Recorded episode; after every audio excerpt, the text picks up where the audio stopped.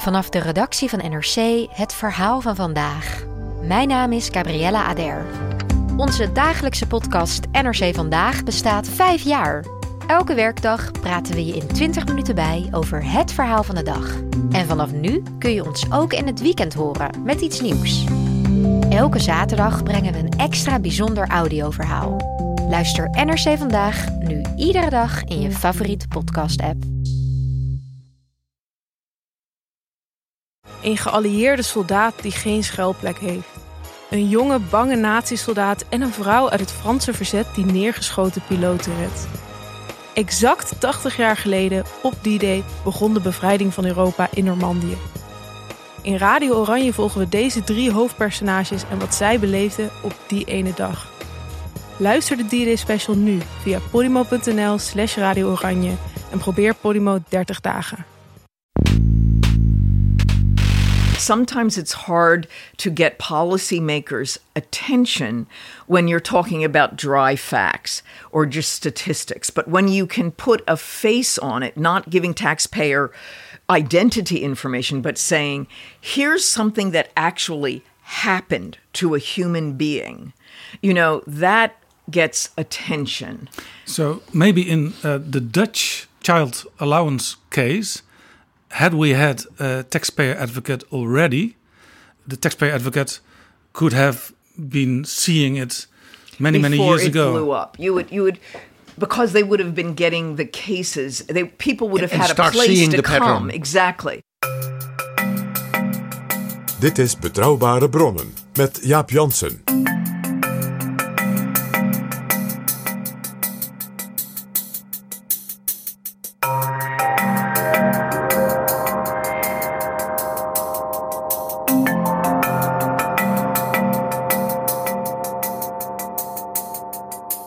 Hallo, welkom in Betrouwbare Bronnen, aflevering 275. En welkom ook PG. Dag Jaap. PG, we gaan praten met Nina Olsen. Zij is de voormalige National Taxpayer Advocate van de Verenigde Staten. Ja, dat is een vrouw met een, ook in Amerika, ronduit unieke functie. Want ze is en heel politiek en heel belangrijk voor het hele opereren van de Amerikaanse staat. En helemaal onafhankelijk. En de reden dat we met haar praten is dat het coalitieakkoord van het kabinet Rutte 4 op pagina 1 heeft genoteerd dat ook Nederland zo'n taxpayer advocate zou moeten krijgen. En dat is een van de lessen die in dat coalitieakkoord is geformuleerd. Uit de grote optelsom van ellende natuurlijk bij de Belastingdienst. Waar natuurlijk het meest uitsprong de toeslagenaffaire. Tienduizenden mensen die in de problemen kwamen, ouders, eh, omdat ze eh, recht hadden op een toeslag, eh, maar die niet kregen, of eh, toeslagen gekregen hadden, maar die werden teruggevorderd. En dat leidde tot een parlementair onderzoek en een hoop, hoop ellende. En zelfs de val van het vorige kabinet. En ellende die ook tot op de dag van vandaag voortduurt. Sterker nog, onlangs is aangekondigd dat het nog wel een aantal jaren kan duren voordat alle problemen zijn opgelost. En ja, het gaat om individuele mensen. Mensen die vaak eh, niet al te veel te besteden hebben. En die ja, het geld gewoon niet kunnen missen. En in de slipstream daarvan zijn natuurlijk nog allerlei andere dingen eh, naar buiten gekomen. Het meest eh, aangrijpend is dat het kabinet heel recent eh, heeft erkend dat er sprake was van institutioneel racisme. Met de wijze waarop men keek naar de belastingbetalers en de burgers. De belastingen in Nederland zijn natuurlijk sowieso een voorwerp van discussie altijd al onder ons burgers. En maar politici hoor je ook vaak zeggen: ja, het systeem is zo ingewikkeld geworden. Het is niet meer uitvoerbaar. Nou, dat, dat blijkt ook in de praktijk. Maar ja, eh, als je een nieuw belastingssysteem wil opzetten, eh, dan kom je in een woud van, van nieuwe problemen terecht. Want ja, er sprake van allerlei verworven rechten en geïnstitutionaliseerde dingen waar, waar iedereen van uitgaat. Dus maak dan maar eens een beter systeem. En vergeet niet dat het kabinet bij zijn aantreden ook nog geconfronteerd werd met een uitspraak van de hoogste rechter in Nederland. Die zei ja, eh, de manier waarop mensen met wat spaargeld zijn behandeld is gewoon in strijd met het Europees eh, Verdrag van de Rechten van de Mens. Dus eigenlijk moet u eh, die mensen ook nog allemaal hun geld terug gaan geven. Ja. Nou, de, de staatssecretaris van Rij eh, zit dus ook op dat punt, wat toch weer een andere kwestie is. Dus met een gigantisch ook uitvoeringsprobleem. Want dat gaat om meer dan een miljoen mensen. Ja, en de Belastingdienst die heel veel kritiek krijgt, eh, die zit zelf met een probleem dat er een aantal jaar geleden fors op bezuinigd is. En mensen konden toen ook versneld vertrekken bij de Belastingdienst. Dus en heel veel, heel veel goed gekwalificeerde Precies. en nog lang niet aan hun pensioen toezijnde mensen van de Belastingdienst hebben dat ook gedaan. Waardoor ze nu ja, gewoon te weinig mensen hebben voor de uitvoering. Ja, er ontstond dus een leegloop met een aantrekkelijke financiële vergoeding. Eh, en het effect was dus het instorten van de organisatie. We hadden al eerder in onze uitzendingen eh, aandacht besteed aan de problemen eh, van de Belastingdienst. We hebben de journalisten te gast gehad die die hele affaire boven water hebben gekregen. En Jesse Frederik van de correspondent die hier een boek over heeft geschreven. Eh, We hebben Pieter Omtzigt te gast gehad. Eh, we hebben ook eh, Kamerleden van andere partijen te gast gehad. eh, die spraken over het beter controleren van de, de overheidsfinanciën. Dat heeft er ook verband mee. En de Bond voor Belastingbetalers kwam met het idee uit Amerika van waarom hebben wij in Nederland niet zo'n taxpayers advocate? Jurgen de Vries, de voorzitter van die bond, was ook te gast in Betrouwbare Bronnen. En natuurlijk de Venetië-commissie, waarbij hun expert, rapporteur over Nederland, Richard Barrett, ook erop wees dat een aantal van die problemen in Nederland, dat die niet alleen maar in Nederland voorkomen. En dat bijvoorbeeld het hele vraagstuk rondom de ICT, de artificial intelligence met dat soort complexe organisaties als de Belastingdienst, iets is waar een heleboel landen helemaal nog niet uit zijn en nog heel moeilijke lessen aan het trekken zijn. Kortom, PG, er zijn heel veel redenen om Nina Olsen uit te nodigen voor Betrouwbare Bronnen. En zij is bij ons. Maar voordat we met haar gaan praten, eerst PG, de nieuwe vrienden van de show. Mensen die met een donatie nog veel meer afleveringen van Betrouwbare Bronnen mogelijk maken. En het is er weer een heel stel en we zijn ze zeer erkentelijk. Dat geldt voor jou Annemiek, voor jou Kevin, Alwin, Elmar, Attai, Ed, Rita, Onno, Robert en Eppo. Allemaal hartelijk dank. En wil jij ook vriend van de show worden? Ga dan naar vriendvandeshow.nl slash bb. Dit is Betrouwbare Bronnen. Welcome to this podcast, Nina Olsen. In the Netherlands, we have quite a few very big problems concerning the tax authority, the Belastingdienst. Our system needs modernization, and we recently had a big scandal concerning childcare allowance, in which thousands of parents were unjustly labeled fraudsters. An advisory committee installed by the Dutch Minister of Finance concluded last year that the Dutch law does not provide sufficient protection to all citizens and small entrepreneurs in tax related matters. In the program of the new Dutch government, it is said, notably on page one, that we in the Netherlands also need a kind of taxpayer advocate. According to you, that must be a great idea. Well, I I would never tell another country what they need. I can only talk about the role of the taxpayer advocate in the United States, how it functions, and why it came about. And then other countries can look at their own systems, their own culture, you know, their own not only their tax system, but their legal system, their their political system, and decide how these elements that that make the taxpayer advocate in the United States effective, how that could translate into their country. You were in the Netherlands uh, this week. Yes, yes. And the members of parliament were pretty much interested in Yes, your we met with several members of parliament and they had lots of questions about how my office functions, but it seemed they were very, very interested. Yeah. Between 2001 and 2019, for 18 years, you were the taxpayer advocate in the United States. This office, nowadays with about 2,000 employees and offices with local advocates in each US state, was created in 1996. How did this come about? Well, actually, it's interesting. The concept of a taxpayer ombudsman or a taxpayer advocate started in 1970 when the IRS was under scrutiny by Congress, and IRS is our tax agency, Internal Revenue Service, was under scrutiny by Congress for the ways that it was treating taxpayers. And to sort of head off some of that anger from taxpayers and Congress, they decided to create an administrative position, the taxpayer ombudsman. but that was a civil servant, you know, a career civil servant who reported fairly low down in the chain of command. So that was 1970. In 1988, Congress passed a law putting that position in our Internal Revenue Code, our law. But by 1996, Congress felt that that position was very weak and it wasn't really sticking up for taxpayers, speaking up for taxpayers. So they changed the name of the position from taxpayer ombudsman to taxpayer advocate to say, we really want you to speak up.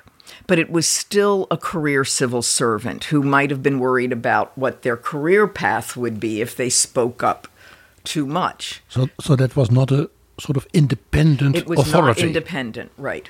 And um, the report that they had, they did have to do a report to Congress, but it was also written in conjunction with an IRS, another IRS official.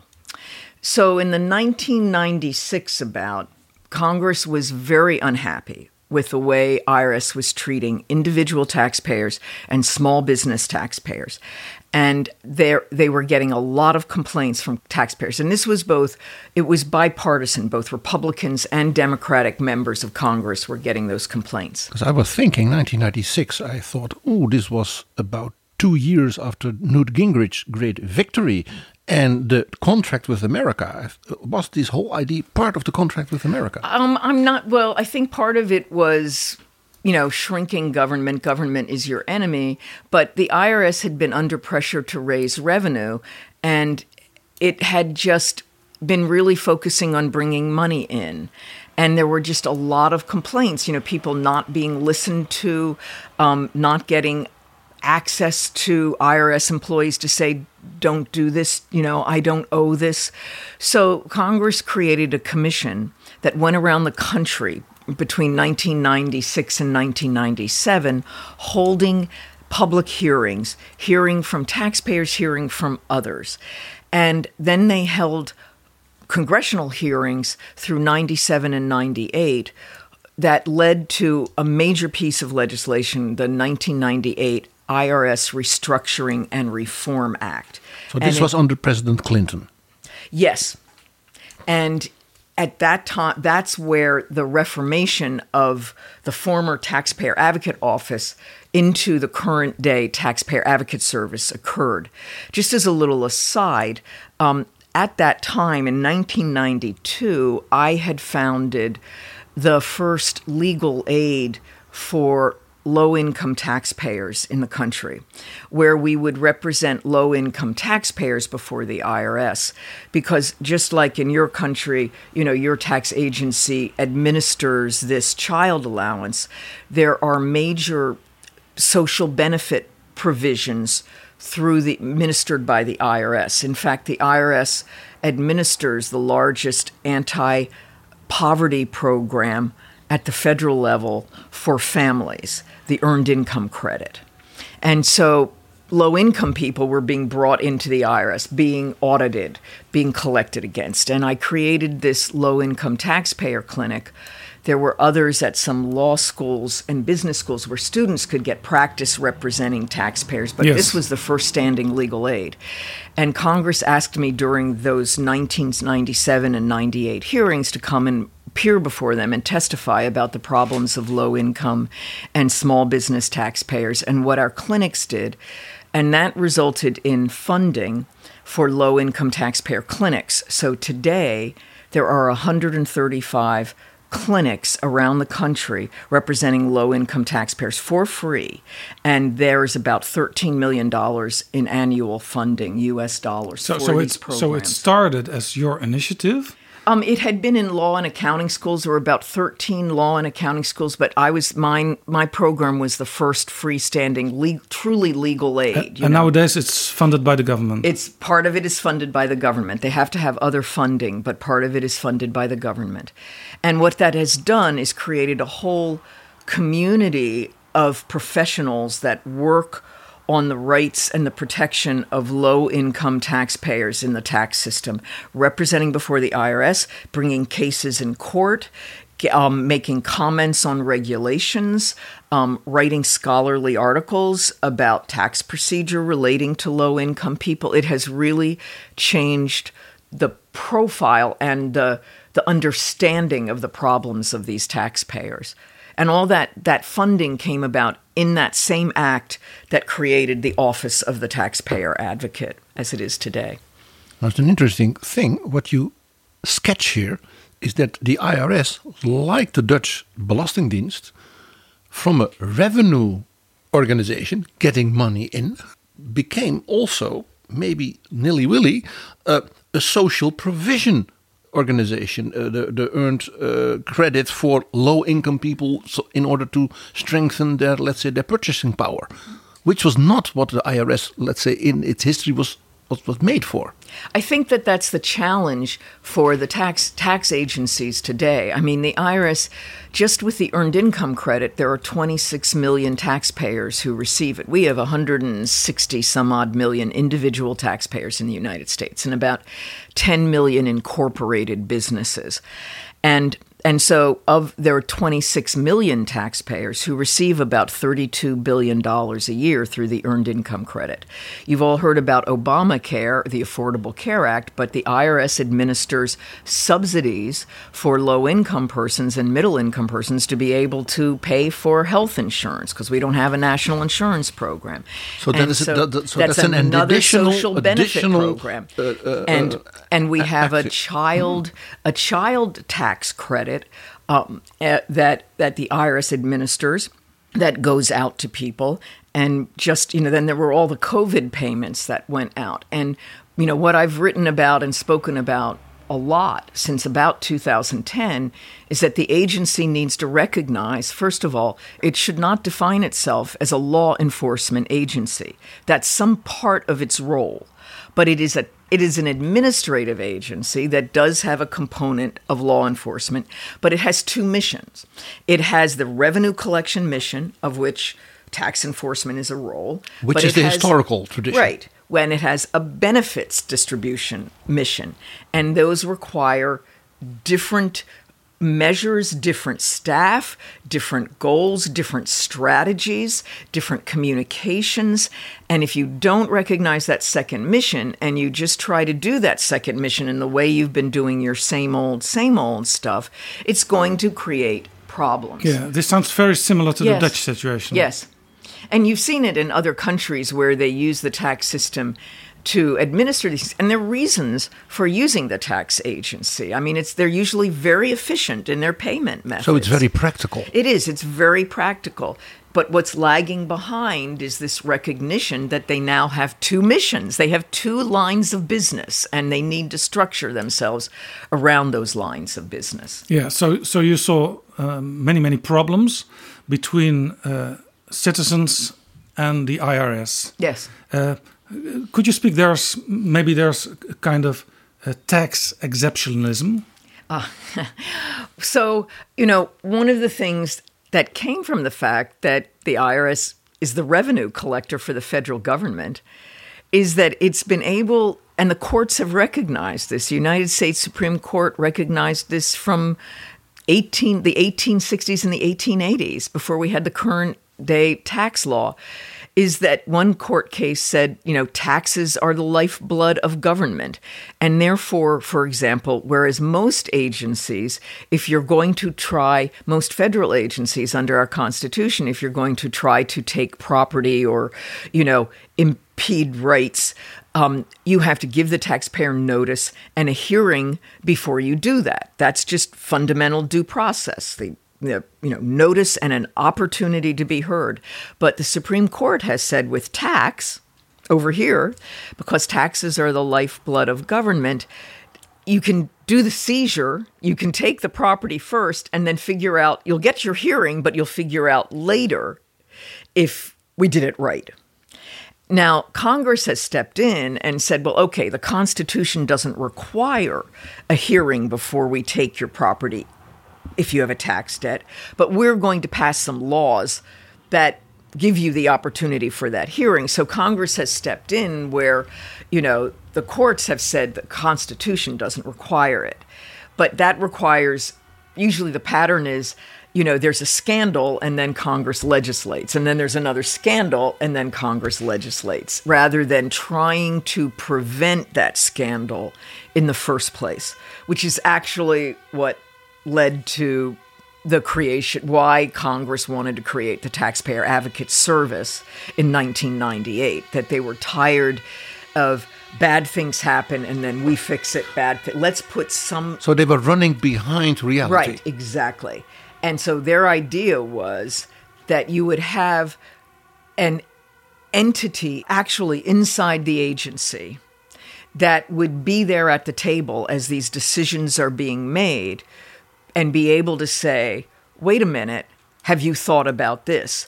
Wait a minute, there may be this harm downstream to taxpayers. So um, you came in in 2001. Yeah. Um, and you and your people are uh, watching things developing, the creation of new laws, and can say, well, that's not a very good idea, and maybe they can make it better. Or if they don't, you can go to Congress and say, well, ask the secretary what's happening now. Right. Well, and it's not just laws. So we would be we're inside the IRS. So let me take a step back because the first thing that everybody asks is well, if you're putting this taxpayer advocate inside the IRS, how can you be independent? And that was really a major discussion. And one draft of the legislation creating the office actually had it reporting to the Secretary of the Treasury. So in the United States, you have the President, you have the Secretary of the Treasury, which is a cabinet member, and then you have the Commissioner of the Internal Revenue Service. So the Commissioner of the, the Tax Agency reports to the Secretary of the Treasury. And at one point, they had the taxpayer advocate reporting to the Secretary of the Treasury, but then they thought, well, the Secretary of the Treasury doesn't even know what the IRS is. They don't have access to all that tax data, that Yeah. private tax data, the individual cases. So it would remain within the departmental structure and the departmental information streams and would not go out. Um, you would not necessarily even know, you wouldn't have access to the IRS databases if you were reporting just to the Secretary of Treasury. And so, because they really wanted the taxpayer advocate not only to do what we call systemic advocacy, you know, saying the way you're designing this process is going to harm taxpayers, they wanted the taxpayer advocate to have cases and actually help taxpayers solve their problems with the IRS. They you had to be kind of inside the agency because you had to see the information that the agency had on the taxpayers in order to know how to help them.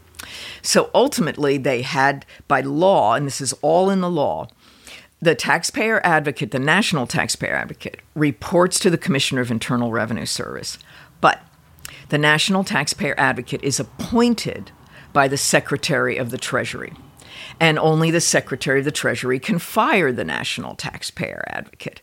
So the commissioner can be unhappy with the national taxpayer advocate and what the taxpayer advocate is saying. And can but- complain to the Secretary. and can complain but cannot get rid of the taxpayer advocate. And that actually puts a safety valve in the process. And I have actually lived through that safety valve. There was one commissioner that felt very strongly that I'd been there long enough and it was time for me to go. And um, made his case to the 18 years. secretary. Yeah. yeah. Uh, and you, so so you, you were serving under, let's say, very different presidents. We're talking about President Absolutely. Clinton, President Yes. W. Bush, Absolutely. President Obama, President Trump. President Trump So tho- those are quite, let's say, different Yes. personalities, Yep. different presidents, different, different eras. treasury secretaries, different commissioners. I think I was under five commissioners, five treasury secretaries, and four presidents. And I, you know, I I was appointed by Secretary Summers eight days before the Clinton administration Larry ended. Summers.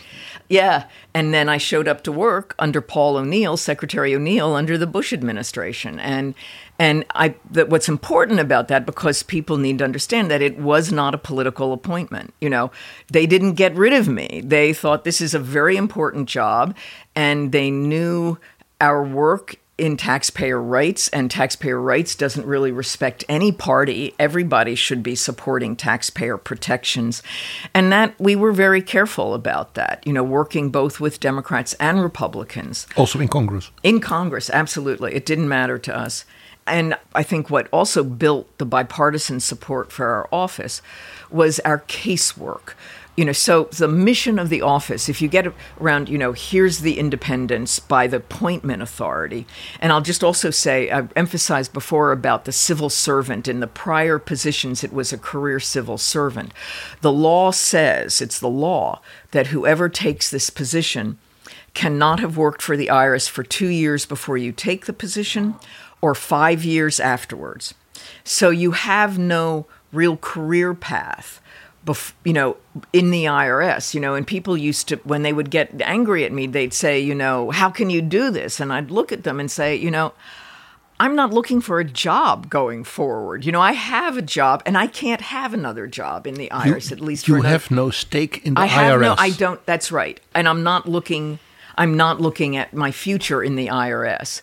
And the other part of the the job requirement for the National Taxpayer Advocate is you actually have had to have experience representing individual taxpayers before the IRS. So you have to have, you know, represented them in audits, represented them in collection matters, so you know what it's like sitting across the table from an IRS employee and how it what it is like for the taxpayer. And you bring that experience into your position. And so that it, they were trying to say as much as you can say in a law, you have to have an independent mindset. You know. Yeah. So, so you're uh, maybe you are one of the, the, the last bipartisan helped uh, top people in the United yeah. States. Yeah, it's actually really interesting. And again, some of that comes from the casework. So I talked a little bit just briefly about our systemic work, you know, working on procedures and policies that are being decided because I was a member of the senior leadership team for all those 18 years. I was at all those meetings or many of those meetings. Sometimes they're meetings in secret that we don't find about until later. but that's okay. We can deal with them. How do you find out uh, that People they tell happened? you. People tell you. I mean, I used to joke that, you know, every day there was a meeting where someone would say, don't tell the National Taxpayer Advocate we're having this meeting. And five minutes later, someone's calling up one of my staff saying, you know, there was a meeting earlier today and they discussed this issue There is you more care gossip. about. There is more gossip in government know, departments than in. Hollywood. Did It it, is did it probably happen that you heard about a meeting uh, going on at this very moment and then send some of your aides to that meeting? we were always very careful. We would come in after the meeting and I'd go, you know, we'd go down and say, We hear there was a meeting today and you talked about this. How did it go? And what did you decide? Was And, it you a good meeting? Yeah, was it a good meeting? And, you know, that was that's another reason to try to be inside the agency if you can keep that independence and not get co-opted. But to to go back to the so that's the systemic work, but the casework is what really bonded made the office be viewed as a valuable assist both for Congress and taxpayers. So as you noted, the law requires um, that we have at least one office in every single state. Yes. So But some states have Have few- more than few- one. Have more than more. Uh, More than. California has more Right. As- as a big inhabitants than many Some European it is- cities, yes. uh, states, and Wyoming is a village. Right. And so we have, you know, for the, some of the larger states, we would we would have more than one office, and we were very adamant about having an office in Puerto Rico. And we were I was as a resident of Washington D.C., even though it's not a state, I was very adamant that Washington D.C. have its own office. So we would have local taxpayer advocates that would get the cases where taxpayers were having problems with the IRS. And then those cases would come to our local offices where we had caseworkers.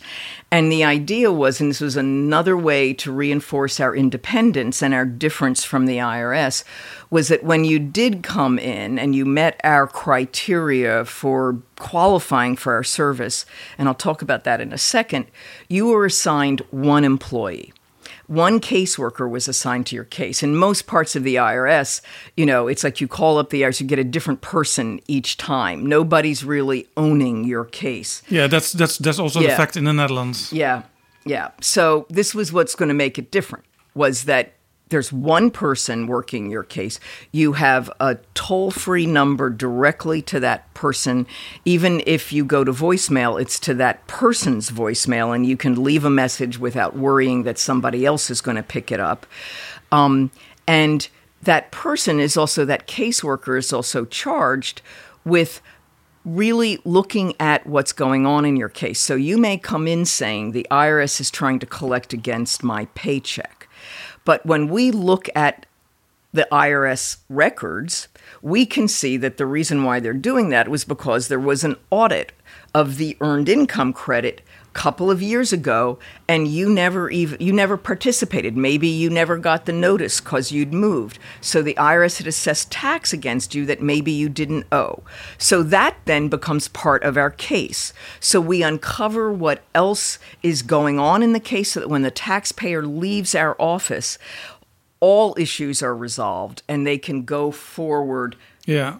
Sometimes when you see the problems of one individual taxpayer, you see uh, what's happening in general. Yeah, well, that's the other side of it is that so over the 18 years that I was National Taxpayer Advocate, we had about 4 million cases come in. And that's an incredible database of what's going on in tax, the problems that are going on in tax administration and the problems that taxpayers are having navigating tax administration. And we had over a hundred issue codes so that a given case might have five codes associated with it, which would tell us that it was an earned income credit exam, but it was also that the refund was frozen on doubt of on suspicion of fraud that you know there were just all sorts of things. So when we wanted to look and research an issue and do some systemic work on an issue we could start with our own cases and really get in and see where the problems were how the case evolved how it got started where communications with the IRS broke down and then you could reason that up to the systemic level and many taxpayers Yeah. And, and, and in, in those systemic, uh, let's say, dilemmas, Yep. you could then tell, let's say, the people in the IRS or Congress, Right. here are 150 cases from North Dakota Right. to Louisiana Right. to Right. Maine, Right. where we keep seeing the same Right. pattern. Right. And that was it, having the case data with the systemic work was critical because you would go in and say we have a problem with the system and you know the agency would say well that's just a minor problem or it's a one off and we'd say well not so Maybe not, much. maybe not. look at our cases. And um, that was really important you know and then the other part of it was that we could tell stories. And sometimes it's hard to get policymakers' attention when you're talking about dry facts or just statistics. But when you can put a face on it, not giving taxpayer identity information, but saying, here's something that actually happened to a human being, you know, that gets attention. So maybe in uh, the Dutch child allowance case, had we had a taxpayer advocate already, the taxpayer advocate could have been seeing it many many before years it ago. blew up. You would you would because they would have been getting the cases. They people would have And had a place seeing to the come. pattern. Exactly. Now it's hard sometimes to get the word out. You know, get get it to the right community, and that's also where our local taxpayer advocates came in because we had people in the localities. It wasn't coming from the national office. It was coming from someone who was in Wyoming, who was in Rhode Island, who was responsible for a part of California. And we had a requirement that our local taxpayer advocates had to do at least 40 grassroots outreach events a year.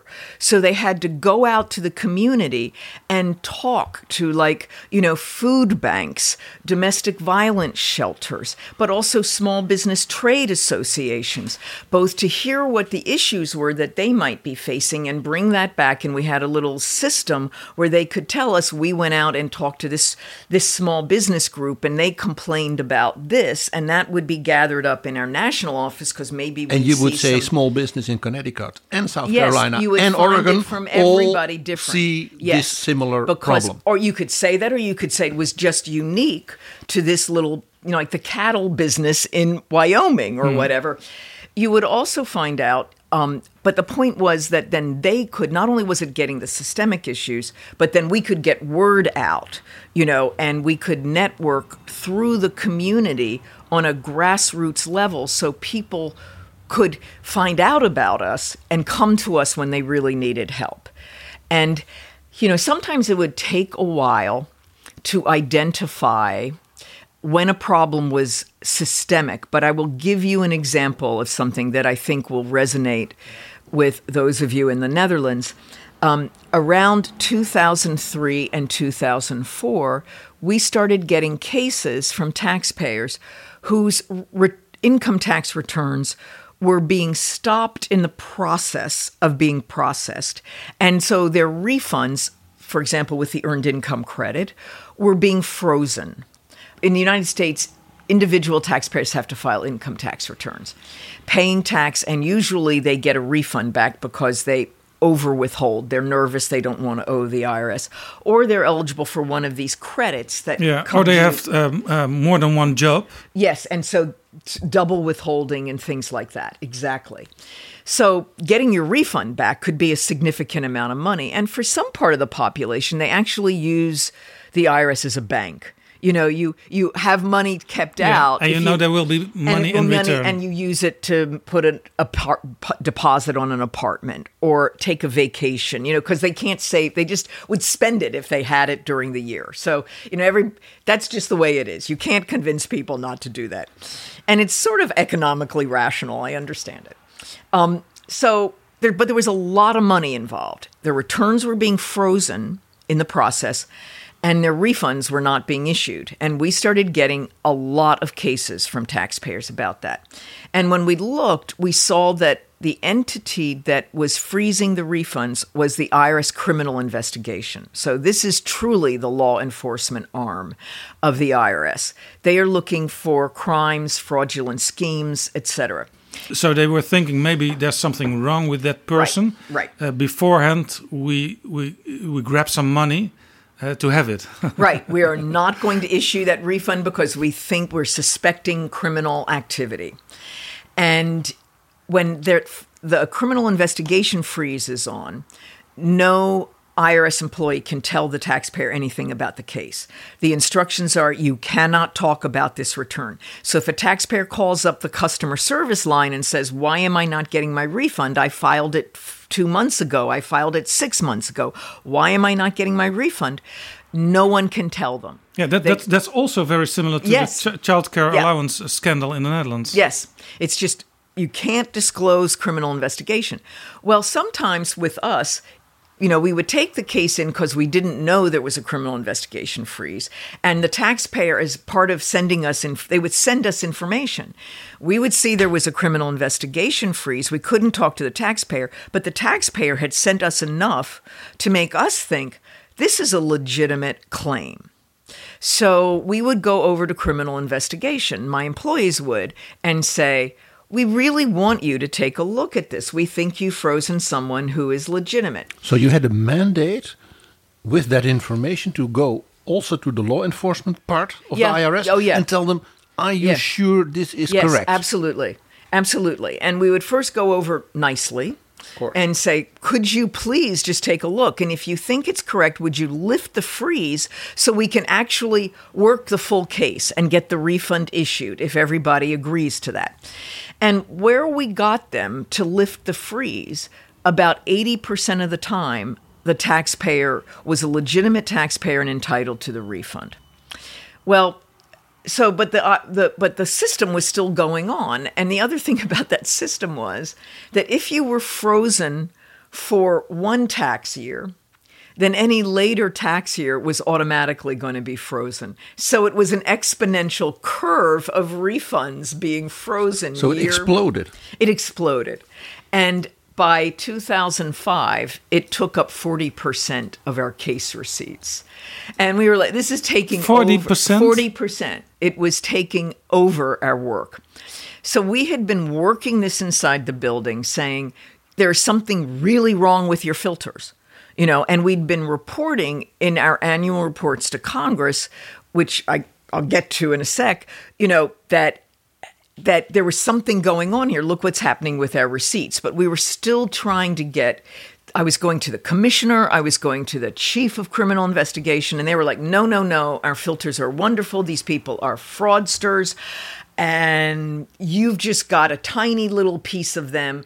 And This sounds a little bit uh, uh, like the problem we now have nowadays with artificial intelligence. Yes, yes. I mean, the, the they weren't. There was no machine learning. It was just these were the filters, and they were continuing on, and they were getting data in. They were never looking at our data. You know, it was the machine was never learning from the 80% The machine of the was rational. The machine Right. was okay, so it had to be okay. Right. Exactly. And the other part of it was we were saying, well, why don't you look at our cases and the machine could learn from why we got relief in this case and then, you know, build that into recognizing patterns going forward. And we never were able to get them to do that.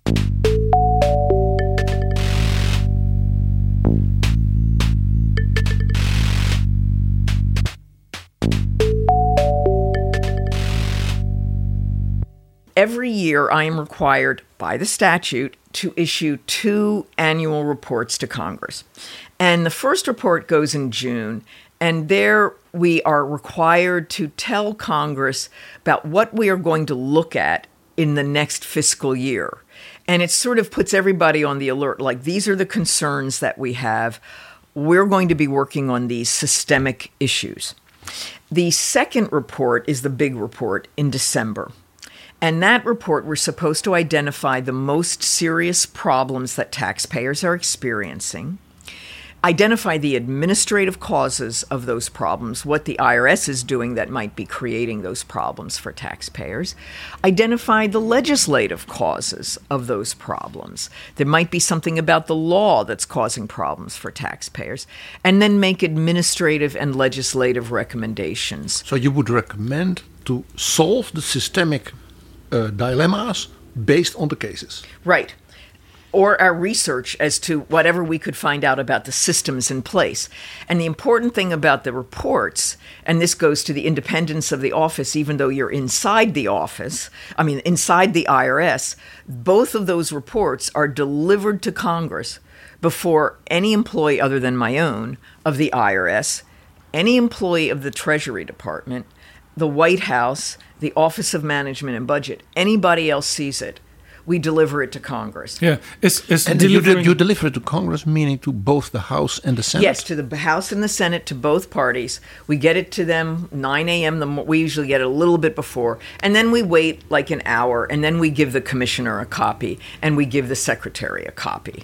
and the and the House and Senate committee Yeah, on the- this subject. Yes. then would invite you to testify. To Yeah. testify. And usually I would do a briefing of the staff the day before the report was made public to the rest to the rest of the public um, so that they could ask questions and then if there were things that they were concerned about they could then when our report was issued they would make press releases and statements so in the context of this criminal investigation refund freeze I made we did our our first really serious research study. I had a small research staff and we really went in to the databases that we could find and we really pulled our entire inventory of criminal investigation cases for this issue and had all the data on those cases. So my annual report had a research report about this, but we also made it the most serious problem that taxpayers were experiencing. And then we went up, we briefed, we actually briefed the Secretary of the Treasury on this because I just wanted them to know that this was a big issue. And I'd been trying to get the IRS to pay attention. And they kind of said, well, they thought, go right ahead, go for, you know, I thought that was really interesting. And then we briefed the, the Hill, the Senate Finance Committee, and the House Ways and Means Committee.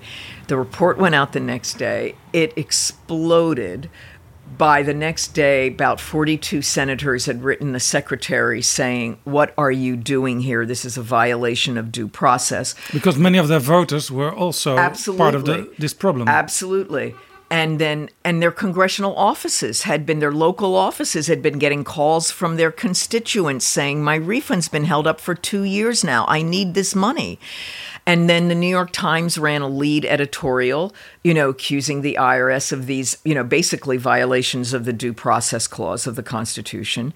And the commissioner was over in Seoul in um, in South Korea meeting with other commissioners, creating their first group of maybe it was five tax agencies looking at offshore evasion in 2005. And he received a phone call from the secretary saying, "You will get home now," and so he had to leave that meeting um, and come back. And within four days of our report, there had been a team pulled together, um, including myself, of how we were going to remove this program from criminal investigation and move it to the civil side, and how we were going to develop processes so that we could be sure that refunds weren't held for two years or ad infinitum.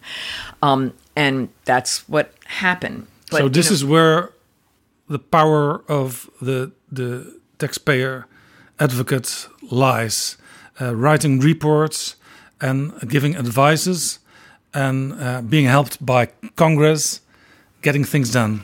And I do think I think that it's it's a combination of all these things. You know, some things you can get addressed just by being on a meeting inside the building and saying, "I'm if you do this, I'm going to write about it." I mean, you need to know that I will be public if you do this because I have real concerns. And, you know, that makes that makes them stop and think, "Well, are they going to risk that or do they want to try to at least meet some of my concerns and maybe when we talk, we can come to an, you know, a mutual agreement."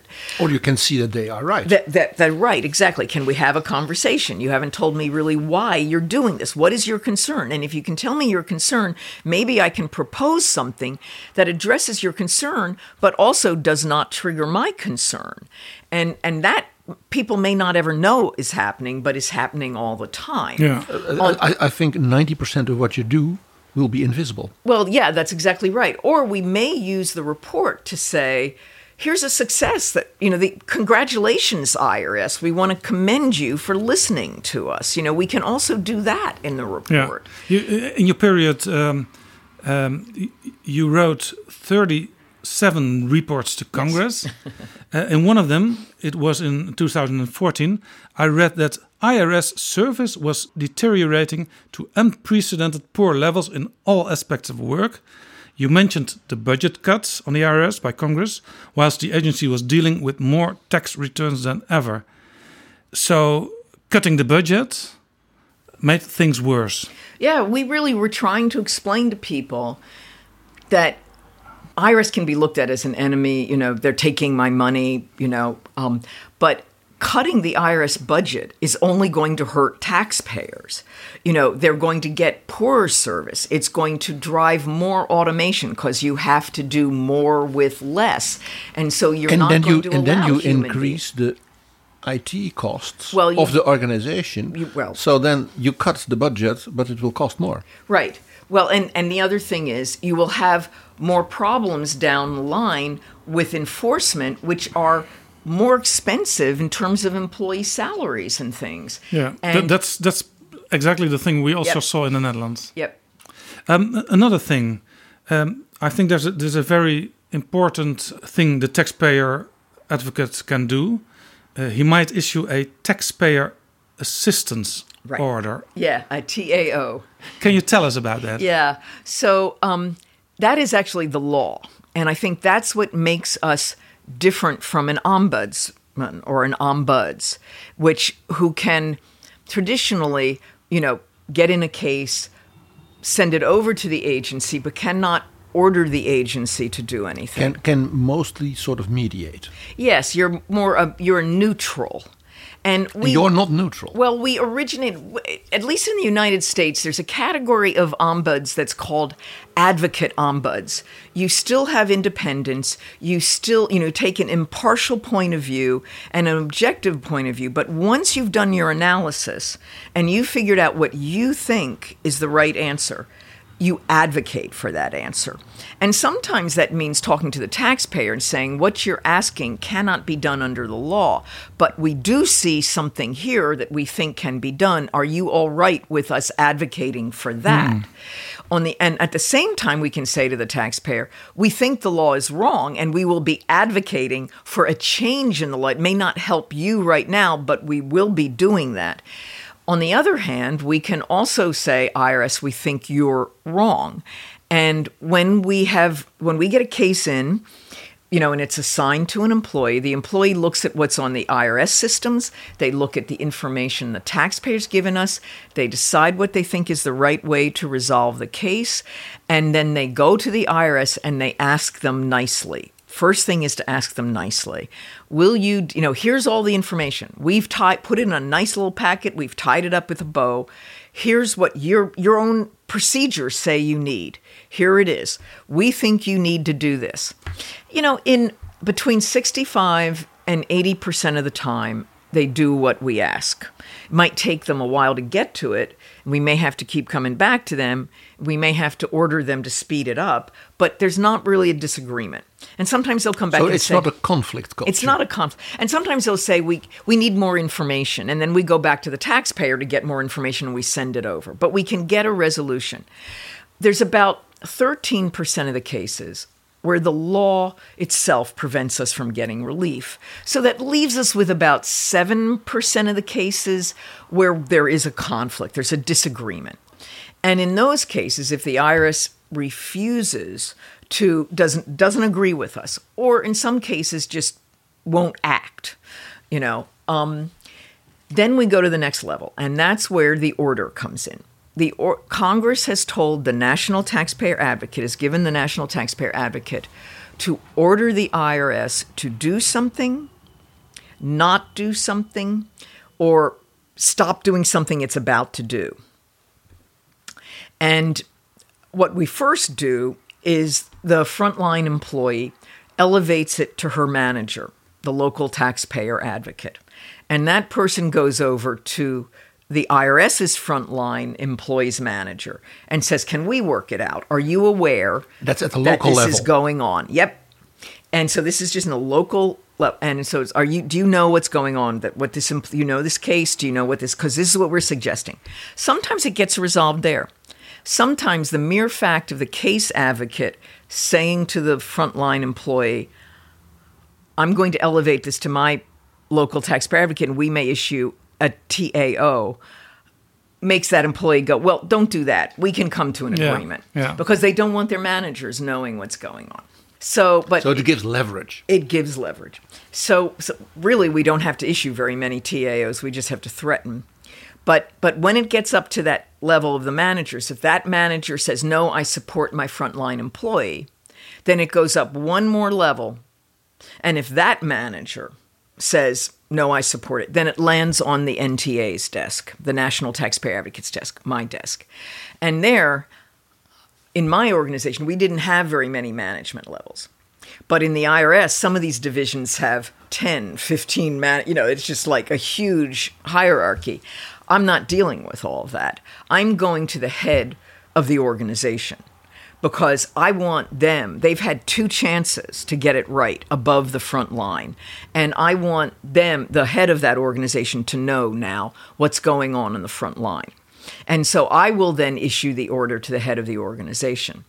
Lots of times they come back to me saying, Well, why don't you work through the organization, our organization? You know, I'm like, takes why too would much I? time. Why would I? It's too much time. It's already urgent. But you also need to know this is part of systemic change. You need to see this case. You need to see these facts. I'm saying to you, you need to give me an answer. What are you going to do on that case? And when I issue an order, when the National Taxpayer Advocate issued an order, then only the Commissioner of Internal Revenue Service or the Deputy Commissioner could overturn me. And I do understand that because he's the head of the organization and I'm inside the organization. But Congress has also said that in my annual report to Congress, I was supposed to report on any order that we had issued that the commissioner did not comply with.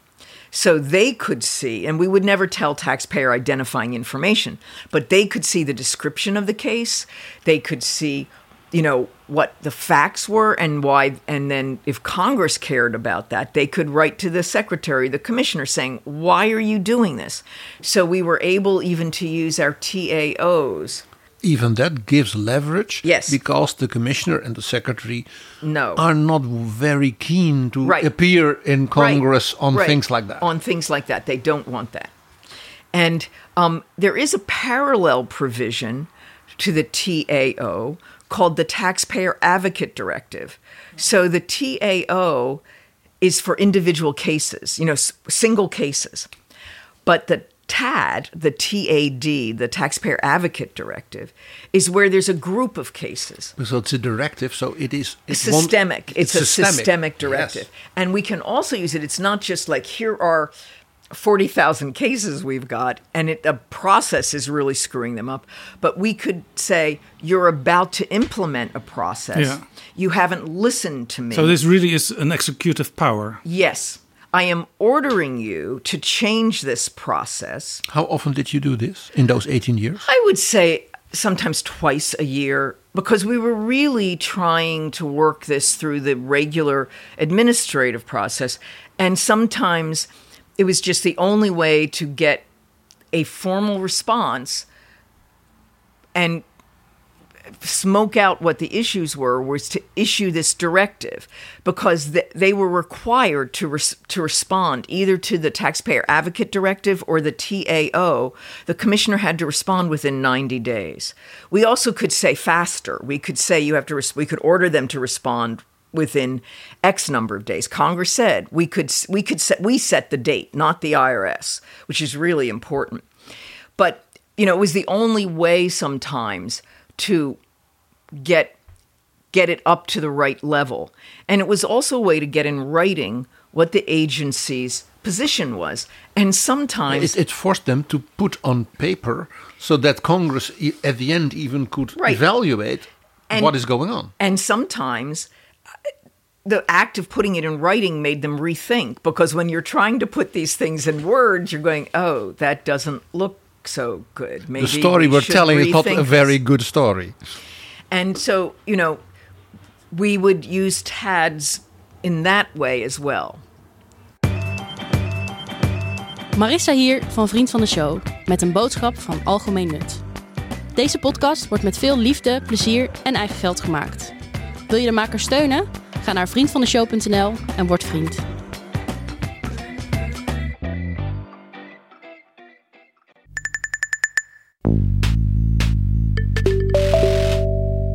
Dit is Betrouwbare Bronnen, een podcast met betrouwbare bronnen.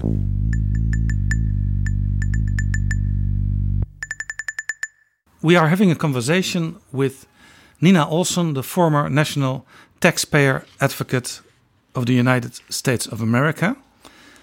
Nina Olson, the basis of your work was holding up the Taxpayers' Bill of Rights, an act of the US Congress which became law in 1996, and it gave you powers. Uh, when I see the, the Taxpayer Bill of Rights, it's about 10 uh, very important uh, civil rights. Can, can you tell us about it? Yeah. So, first of all, um, Congress passed three pieces of legislation that had the title Taxpayer Bill of Rights. And so you'll see three acts of Congress that have all sorts of protections in them. And I would say that that the United States does have strong statutory protections for taxpayers, even if they don't have strong constitutional protections for taxpayers. Um, but what what I felt as I was working more and more with taxpayers, um, both within my low income taxpayer clinic, but then as the national taxpayer advocate, was that taxpayers didn't know what those rights were. They didn't know they had those protections. They're buried somewhere in the Internal Revenue Code. And I was really wrestling with well, how can, if you don't know that you have rights, how can you claim them? And so, what would be a way to help taxpayers think that they had rights? And what at about that time, I was looking at OECD had done a you know a report on taxpayer charters, taxpayer bill of rights. So you looked to Europe. I did. I looked to the OECD report and and you know, I saw some of the things that they had recommended in their report and I thought, well, how could that apply to the United States? And one of the things in the United States that I think is is really fundamental for most people who even just reside there, not even citizens, is the Bill of Rights. Yeah. That everybody Every every uh, little boy or girl knows it. Yes. And exactly. it is it is of course the basis of your 18th century yes, constitutional it is. arrangements Yes. after the Philadelphia Yeah, Constitution yeah, uh, yes. of George Washington. Yes. Then they said, well, that's nice, but that's a system. Yes. But what does it mean for the individual Yes. American citizen Yes. not being a subject Yes. of a king? And it And took so then, so they it made took this a Bill while to get it. Remember Yeah. that it came in as an amendment, right? Including I- the I- I- Second Amendment. Yes. I once saw on television. I saw a, a kind of nursery rhyme. I'm a bill sitting on Capitol Yes, Hill. it's wonderful. It's a wonderful video. It's really great. Um, So it's very fundamental It to is. Americans and the way they define their citizenship. yes. And so my thinking was, you know, if you talk to anybody, anybody, if someone said to you, you cannot say this, anyone would come back saying, Don't I have the right to free speech? Now, the answer based on court cases may be, Well, not in this instance. You don't have free speech in this instance, but you're asking the question. You know that you have a right that you want to ask about. So I was trying to think. That's a way to use a Bill of Right, a taxpayer Bill of Rights. Truly come up with 10 rights, because 10's a nice number, you know, that you could, that would trigger the conversation that a taxpayer could say, wait, don't I have the right to an independent appeal? And maybe the answer would be, not in this case, you don't, which might cause you another thing. But at, if you asked it, it might be, well, yes, you do. And of course, we hadn't told you about that. But now that you've asked, we've got to tell you this and we can get you Yeah. into the appeal. To, mention the first three of the Yeah. the, the rights. uh, uh, number one, the right to be informed. Number two, the right to quality service. Number three, the right to pay no more than the correct amount of tax. Well, they sound very uh, logical, but they're not always the case. Yeah, and they're not. And unlike our Constitution, which is self enforcing, it's the foundation to law in the country, um, this is not a self enforcing document. But then what we did under each of those 10 rights, first we put forward our explanations of those rights, what it meant to us in the me personally really writing it in the taxpayer advocate service and then we my staff and I sat down and we went through all of the statutory protections and even some of the administrative protections that the IRS had actually created and put them under each of those 10 rights. So you made a system out of it Exactly. instead of all kinds of individual right or that you specific would have things. to find them. And so there's our we have a website that's dedicated to the taxpayer bill of rights a web page and then you can say well what about my right to quality service? And you can go in under there and see what protections there are. Now i have to say that right to quality service has the least protections which part of that process of creating that system was showing where there were gaps which would then later lead to legislative recommendations. You don't, you, you, we say you have the right to be informed, but there's no way of mandating that you can get information. You need legislation to make that, or the IRS needs to create a better system where taxpayers can have access to their own information. Now you made this sort of interpretation into a system, but does the IRS, let's say top level, and does Congress Right. accept that as Right. authoritative? Right.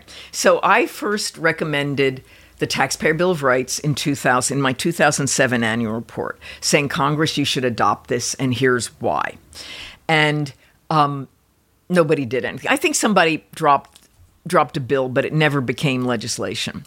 I did it again in 2011. I'm nothing if not persistent. I don't give up. So I said, you need to do this. I'm, I said it before. I'm really recommending this again. In 2013, another scandal occurred with the IRS, and you may have heard about it. It was the Tea Party scandal, where they were holding up nonprofit status for organizations that were doing political work for fear that they were actually involved in elections and you sh- the government's not going to let the tax system subsidize electioneering and and I have to say the frontline employees had legitimate concerns. They didn't know what they should do. Some of these some of these applications looked, you know, blatantly very elect, you know, part participating in the electoral process rather than just the advocacy and, you know, um, social social welfare process. But they made up a list of words that they were going to use to stop applications. It was called the Be on the Lookout list, BOLO, the BOLO list. And so if an application came in with the word Tea Party or freedom or you know, and there was also, you know, the top 1%, because there were also liberal groups, you know, left wing groups that were stopped as well. Then they would stop that application for nonprofit status and not do anything with it. They were waiting for guidance up above. And that went on for about two years. And of course, you're coming up to an election. And the Congress was getting calls from groups, you know, complaining. They asked the inspector general that oversees tax administration to look into it. And in May of 2013, the inspector general issued a report talking about the BOLO list, and the world exploded. So, in the summer of 2013, in addition to holding all sorts of hearings and accusing the IRS of political interference and all of this stuff, and people losing jobs and things, the House of Representatives passed pretty much unanimously the Taxpayer Bill of Rights. So it was a political It was a sort of scandal scandal, which brought then about this response. which which opened their mind for something which was not written Right. to solve political scandals. Right. So that passed the House, but it never got to the Senate because, you know, a lot of bills pass one or the other and never get through. But that's 2013. But I thought, well, there's some interest here. So in my 2013 annual report, I said, well, okay, you know, I've recommended twice that Congress passed the Taxpayer Bill of Rights. But you know, there's nothing to stop the IRS from adopting it itself, like as a code of, of conduct. You know, and a promise to taxpayers. like because IRS, I- as I stated, they are Yeah. all logical uh, citizens' rights. Right. You know, you could adopt it. And you, you know, that's a training tool. And I made this whole report out. And also, I had been requested, but they had brought a new co- acting commissioner in, you know, to deal with this scandal. And he had requested me to write a report about taxpayer rights in the IRS. And I had laid out this whole thing about how they could use a taxpayer bill of rights also for training IRS employees, explaining to them how their actions needed to conform with these rights and why they needed to conform with them, and that that would build trust. So, in the meantime, we had done a national survey of taxpayers. So it was a represent it was able to be represented back to the entire US individual taxpayer population. And we asked them, "Do you know about your rights?" And if you do, do you know what they are? And about 45% of US taxpayers said that they believed they had rights before the IRS. So more than half of taxpayers thought they had no rights before the IRS. And of the taxpayers who believed they had the, I mean, 11% thought they knew what those rights were. So we used that data to say, IRS, you need to adopt a Bill of Rights. And I said that in my annual report to Congress in 2013. We got a new commissioner at the end of 2013, and he said, you know what? We're going to adopt a taxpayer Bill of Rights. So in June of 2014, the IRS, to great fanfare, adopted our language. We spent six months negotiating the various explanations of these provisions. So it also opened the eyes of um, uh, almost half of all the citizens in America. Yes. Yes. And so then after then a year later we did the same survey and we found that as a result of the taxpayer bill of rights and the publicity and the IRS putting on its website and and us really pushing it 75% of US taxpayers believed they had rights before the IRS and about 43% of them felt they knew what those rights were. And so we really felt we were making some some progress there. And then in 2015, Congress actually codified, put into the law the Bill of Rights. And what they did was they actually put it in the section of the law that tells the commissioner what his job is. It says, Commissioner, your job, among other things, ministering the tax system, is to ensure that IRS officers and employees are trained in and adhere to all the rights in the Internal Revenue Code, including 1 through 10, verbatim what we proposed. So it's still not clear what that does. But what I'm arguing, at least in the courts, is we've had some cases where courts say, you know, just because the right the commissioner is supposed to make sure his employees adhere to a right to quality service doesn't give you the right to quality service. But what I'm arguing, and will be arguing going forward in court cases, is that where the commissioner has failed in his duty, because he has a statutory duty to train and make sure his employees adhere to these rights, that where they he has failed in that duty, and the taxpayer, for example, hasn't gotten quality service, hasn't been able to learn what they need to do to comply with the law, and now they're in trouble. If there's any wiggle room then the thumb on the scale should be on the side of the taxpayer because the commissioner has failed in his duty. And in that way, maybe you can give some actual legal meaning to the Bill of Rights. And you can also, the taxpayer bill, and you can also build out what it means, what the right to quality service means, what the right to be informed means, you know, through court cases in that way. So I don't know. This is what I'm working on now. It's very interesting here in the Netherlands a few years ago. Uh, it was suggested to the government uh, that there would be a sort of a charter of mm -hmm, uh, mm -hmm. taxpayers' -hmm. rights. Mm-hmm. And the answer was, oh, we don't need that because our organization is functioning so excellent. And then the, the government said, what would be really helpful is the taxpayers' advisors, so all these people who, whose job it is, would have a code of conduct for them, you know, to be good, uh, let's say, service providers. But of course, that does not count for us. Right. And this is very interesting. Right. If you look at what you tell now, right. You, you sort of hold a mirror up to them. Right. Well, I think, you know, there are a lot of taxpayer charters around the world, and they're nice statements of of here are our intentions. It's intentions. But it's not what we really tried to do, at least within the IRS, was integrate those rights and those descriptions that we negotiated so heavily into guidance to employees so that if employees for example and the example that i gave was one of the examples that i gave the other day is that you know the irs has the power to levy a taxpayer's bank account when they owe a tax debt they can go ahead and garnish their wages you know, to collect. They don't need to go to court to do that. They ha- they can just say there's a debt, you know, I can we can go go and seize property. But there's also a provision in law. One of the statutory protections is that if a taxpayer is experiencing economic hardship, and that is defined, and this is individual taxpayers, they cannot pay their basic living expenses. Then Congress has said if you're levying and you find out that the taxpayer can't pay their basic living expenses, you have to stop levying. You have to. That's the law. And what we people were, don't have to starve. You that's exactly we were saying. Why would you levy, cause harm, put the burden on the taxpayer come in, and then you'd undo your levy? Why don't you think about it first?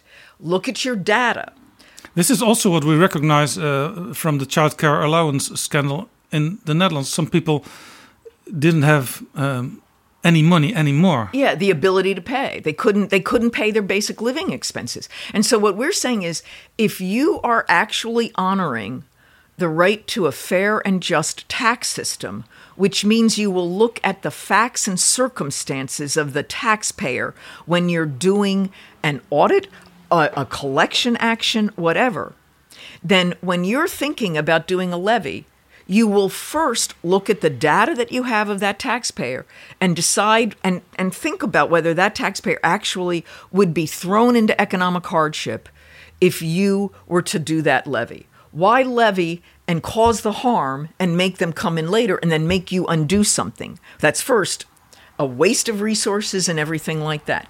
And we built that into the law.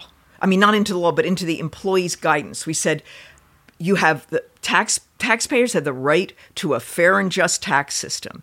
That means you have to look at their specific facts and circumstances. In the case of levying on them, you need to consider whether a levy would create an economic hardship. So we walked them through the rights based analysis as they were trying to make the decision. Uh, one of the things which came out the last few months, well, strongly, you know, hits this part of those rights. And that is that in the auditing, as you called it, by the, the Dutch uh, Belastingdienst, they would say, oh, we know these people are from, let's say, a Turkish background or Antilleans, or they have this kind of uh, uh name. Oh, they're probably from that background. There's a lot of fraud among that kind of population. Yeah, many so people, people, of color. So people of color would be sort of uh, uh, tagged in the auditing on let's say their supposed backgrounds because you know it doesn't mean if you have a name like that that you are. Uh, uh, uh, uh, how would you look at that from the point of view of your work? Well there was an initiative that the irs had. There had been a scheme and that that was involving people from one of our territories that was spanish speaking and they created the IRS created a filter that looked at Spanish surnames, Spanish sounding surnames. And my employees found out about it, let me know. I walked down the hall to the commissioner and said that's a violation of the equal protection clause so of the Constitution. This is Mr. Jose Manuel Alvarez? Yeah, or something and like that. And that. might be a problem. And I said, you know, if you're freezing things on the basis of that, that's a violation of the due process, the equal Not protection. everybody called Sanchez is a criminal. That's right. and regardless of what you, you know, the fact that some were or that everybody in this scheme were doesn't mean that everybody with that name is you know is engaging in fraud and if you're using that as selection criteria i think that's a constitutional violation and if you don't change it i will although it was a law enforcement thing i will find a way uh, to write about it and in fact, you know, the commissioner re- responded right rightfully. He didn't know that was there. You know, my telling him about it within 4 days, you know, that criteria was eliminated from that selection tool. And, you know, I don't know how long it had been going on, but we, it was going on enough for us to see cases from people. And then when our case it had become standing practice. We we they elevated it up like why are these people, you know, they got enough of them. They were like why are these people being we we found out that there was this one filter and then, you know, my people on the case advocacy side elevated it to my systemic advocacy side and my systemic advocacy side elevated it to me. And I say elevated it, no, they worked it and they found out there's a filter with that. And then they, you know, sent me the email saying there's a filter, you know, and we verified it. And we went to the people who were sponsoring that filter and said, that's not, and they said, well, but we, we have this, this, this, you know, scam you know, we've got to do this. And that's when I had to go down to the commissioner. Yeah, that that's very, very so, similar to the Dutch yeah, situation. Yeah. And, and the only thing is that it got stopped. It got yeah. stopped very and, quickly. And it's very interesting because, because so when a few years ago they said, well, we could have the charter, that then the Dutch, right. the, the, the, government said, oh, we don't need that because in right. our system it just works perfectly. Well, and I have to say, you know, this is where tax age. I mean, they're they're doing so much. And there is fraud out there, and there is evasion out there. Of course. But there are also people, you know, you've got complex tax systems, and it's very difficult for the average person to comply. And they could also just make a mistake that makes them fall down a you know into a maze of of just procedure after procedure after procedure and never find anybody. And the tax agency with all the pressures that it has doesn't deal well with that and that is why you need an entity like the tax you know whether whether you have it inside the building or outside the building whatever you do you need something that is problem solved dit is betrouwbare bronnen let's go more or less to a conclusion of this yeah. conversation in the netherlands the government uh, wants a kind of taxpayer advocate. What is essential for such an institution, also in the Netherlands, to succeed? What's the silver bullet? Yeah, there is no silver bullet. Um, but I think, you know, what I've suggested to folks is that there are some elements that you really need to have for it to be successful. And I say this not just looking at the United States, but I've worked a lot with ombuds and taxpayer advocates around the world. And So you give advice to many countries. yeah, or I've met with people in the similar, you know, s- similar positions and heard what they wished that they had or what they think are their s- the strongest. I heard you're also working in Azerbaijan and in Chile. In Austria. Yeah, yeah. Um, and I, I have to say that um, it depends on the, the structure of the government and the agency whether you're going to have somebody inside the agent, the tax agency, or outside the tax agency. But regardless, you have to have access to data, not just access to the taxpayer data, but access to the system data. And you have to be in a position where you can access it yourself rather than having to ask pretty please to the agency to, As if it is to a, this a, a gift to you. Right. Which they can also that they can filter exactly they can tell they can decide what you're going to get so it has to be structured in that way that you have access to the data So you have a mandate. so that you can do your And, own and, research and if you want the data today, you'll get them today. you can get it that you will uh, and and you know the the logistics of that are different with every agency but but that's got to be absolute.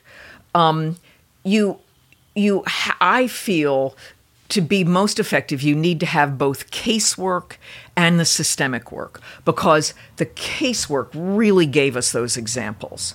So you have to have both functions to really be the most effective the, the last example you gave about the Spanish names is maybe the most eloquent it example. came up in the cases you know and and then the third element i would say is the reporting the the the annual reports or the biannual reports there's got to be a reporting structure that goes to whatever your you know legislative body is whether it's parliament or congress But you have this sort of permanent dialogue That's right. with the policymakers and the legislative That's authorities. right. And it's not just you get to write a report when you think it's important.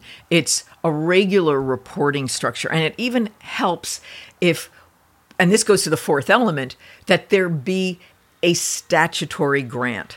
There are a lot of ombuds around the world that are administratively created. And as if you even see in the history of the taxpayer advocate, when it was the administ- administratively created back in the 70s, it was not powerful. You know, it was not. And so what you need is a statutory position. And the law says this is what we expect of you. Here's your mission. They're granting you some authority, like an order, you know, to do something. They're mandating the annual reports. And they can even say in the annual reports, we want to know about this, this, and this on a regular basis. And my statute actually said, and anything else you'd like to put in there, which was really nice to have. What you know. mistake should the Dutch taxpayers advocate Oh not dear, that's harder. Oh, I don't know. That's a great question, and I don't. I, I think the biggest mistake would be just not not making it statutory. I think that the structure, having it be in law, is really important because you could have a really sympathetic, you know, the the, the current government may be completely behind it, but the next government may find it really annoying a hassle. and and I mean, I had that constantly, and I just on a really, really basic example. I we mentioned before that I had I had offices. I was I have offices in every single state. That's required by law. As the budgets were being cut of the IRS, you know, I had people coming saying, "Well, why do you have an office in Wyoming? There are more cattle in Wyoming than there are people." You know, so. Why have an office there? And I could point to the law Oh and yeah, say, you could combine it with Idaho yeah, you and could Montana. do it. Yeah, yeah. and it's like, no, I can't. You know, but that was so important, and that's just a really basic example. One of the things that struck me is that if you make an organization like this, you you led it for 18 years. How do you keep sharp? Yeah. How, could you, how, How do do you I keep, keep yeah, sharp? How do you keep your people sharp? Do you, for instance, Yeah. have panels of taxpayers who criticize you Right. also? Well, there there are federal advisory committees that we saw of of taxpayer of that made recommendations for taxpayer service and we actually ran them. But what I did personally was that I would go out and do I would go out and meet with taxpayers. I went around the country in 2016 and did public hearings on public forums on tax what taxpayers needed from the IRS since its quality its public its customer service was so terrible. And you know, I heard directly from taxpayers. I would go on national television programs and give out my email address. And, um, you know, people would write me and I'd be able to see things. I, I insisted on seeing my mail. You know, when I first walked into the job, my mail went somewhere. I had no idea where my mail went. Somebody else answered it, you know, some staff person. I was like, You are not answering my mail. I'm seeing my mail. I need to see what people are writing about it. I may send it off somewhere saying, You work this case, tell me about it. But, you know, I wanted to see it. And, and, uh, you know, what I learned from taxpayers then i required my ma- senior managers to do the same thing. I required my local taxpayer advocates to do the same thing. And i went out to the you know i visited every single office in my tenure all 79 offices you know. And um, and I would hold town hall meetings with my employees and they could tell me what their problems were. I think my senior leadership hated me going out because I always came back with now we need to do this and this and this and this and this. It always leads to more work. It does lead to more work and it should lead to more work or I'm not doing my job. And and I knew, you know, I, I always felt that if I put myself in a little closet, then I needed to leave the job. If I felt like I was becoming jaded, then it was time to leave the job. You know. In the Netherlands, since January, we already have a inspector general for tax benefits and customs. Uh, you spoke yeah. with uh, the person Bart Snels. What do you think of, of, of that? That the, the, function of inspector general? Yeah, uh, well, I think that you know the inspector general is different in every country, but I think that just acknowledging that you need an inspector general over this type of work is already getting you down the road to recognizing you have a separate line of business in the tax agency, and that that person can look at and review how the agency is doing that work. And I think what they were wanting to talk to me about is, you know, how is my was my office structured and how does that overlap with their work? You know, and I think that's just what you all need to decide. You know, what I'm here to do is tell you how the IRS taxpayer advocate service was structured and how then you can think about that what might work best. So those two organizations can uh, help each other. Yeah. Well, and also, I mean, I'll give you an example of another another country in Australia. Um, you know, maybe about five years ago, up to five years ago, they had a parliamentary ombudsman that had tax cases, and they had an inspector general and the inspector general did systemic reviews you know reported to the minister of finance and reviewed the operations of their Australian tax office, but the cases were in the parliamentary ombudsman.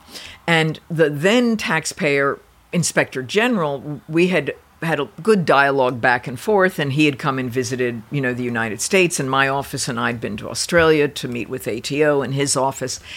And about five years ago he convinced the minister to bring the tax ombudsman into the inspector general's office. So now they have the employees who work the ombuds cases in their office so they can see what are, is coming in as well as doing the reviews because he really saw the wisdom of having the casework inform your review as well. And so that was an example of a program actually changing, you know, bringing one in. And I just yeah. throw that out there because it was fairly recent. You once mentioned that um, the tax code in America the complete tax code is 4 million words long. And about 60% of the citizens need professional assistance uh, by filing. In your last year as taxpayer advocate, you made up a subway map of the taxpayer's journey through the yeah. tax system. Can you tell us a little about that. Yeah, you know, people should go look at that subway map and then wonder why anybody makes why and anyone gets it right, you know, in the tax system because it is so complex. You on not- what on what city in the U.S. does the subway map most not- look like? I there is no subway map like that one. Not even New York. New York can be even very clear. This map is is really quite something. But we really just wanted to show. We were doing it for two ways. One was to show how complex the procedures were, the process was, and maybe explain why some people get it wrong and are not criminals. Yeah. You know? So, so, so can you say um, the tax system in the US is broken? it is teetering on the brink. I think COVID really brought to the surface many issues that would have been exposed in five years, 10 years, but because of the shutdown and the demands on the system, it just, it just, you know, brought it to the surface. It didn't collapse. It, it well, it did collapse. It I mean, I think it's still in a state of collapse. Um, at least for the vast majority of taxpayers. Although the IRS got COVID payments out, it it was so far behind on processing returns. It's still processing 2019 returns. Um, there are, you know, the the num the percentage of calls where you try to get through to the IRS to ask questions, you know, at one point was down to 3% of the calls were being answered. I mean, you, you cannot ask taxpayers to continue to trust you or engage with you if you are at that level. Many, many politicians, also in America, um, but, but also in the Netherlands, say we are in need of a new tax system. But lawmakers seem reluctant to make such a new Yeah. system. I think that I've heard my entire life that we need comprehensive tax reform. And yet, you know, the next year they add, I'm sure it's more than 4 million words now. It's probably 5 million words with the Internal Revenue Code. They're not taking Oh things God. out of the code, they're putting things into the code. So, um, you know, we are in need of fundamental tax reform. And I think, I don't know where the political will is for that. Yeah, you stopped as, as a taxpayer advocate because of retirement. And nowadays, you are the executive director of the Center for Taxpayer Rights, a non-profit organization. Uh, is it impossible for you to stop thinking about taxation and citizens' rights? Well, I was just not ready. I mean, I wasn't ready to retire. I was ready to leave the IRS. I was, you know, I always knew I was going to do something else, and I didn't know quite when that was. And I thought this is a good time for me. And I wanted to do something else. And what I really thought was, there are things that I love about my job. You know, I love doing the International Conference on Taxpayer Rights. I love working on taxpayer rights work. I love the low income taxpayer clinics, and I could see that they really needed some support. They needed a technical center that could help them or help coordinate litigation strategy. I wanted to do more Freedom of Information Act work, and I wanted to work with tax administrations and people around the world that were working on taxpayer rights. And I thought, well, those are all the things about my job that I love. So Such just as advising the Netherlands. yeah, there's that. And so I thought, well, I'll just create an NGO, a nonprofit, and pour everything I love about the job into that and just continue doing it. And we make, you know, we get grants, great. Otherwise, you know, I have a retirement income. I can continue to do what I love. And um, I leave behind the things that I least like, which were all of the bureaucracy and the meetings and everything like that. And so that's what I've done and that's what I'm doing. And we're actually doing really well and we're doing really interesting work. Nina Olson, thank you very much Thank for you. having this conversation. This was a great conversation. Thank you for having me.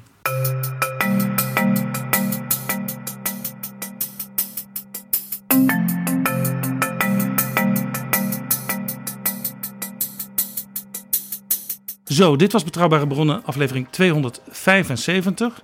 Deze aflevering is mede mogelijk gemaakt door de vrienden van de show. Wil jij ook vriend worden? Dat wil zeggen, eh, met een donatie nog veel meer afleveringen mogelijk maken. Ga dan naar vriendvandeshow.nl/slash bb. Tot volgende keer.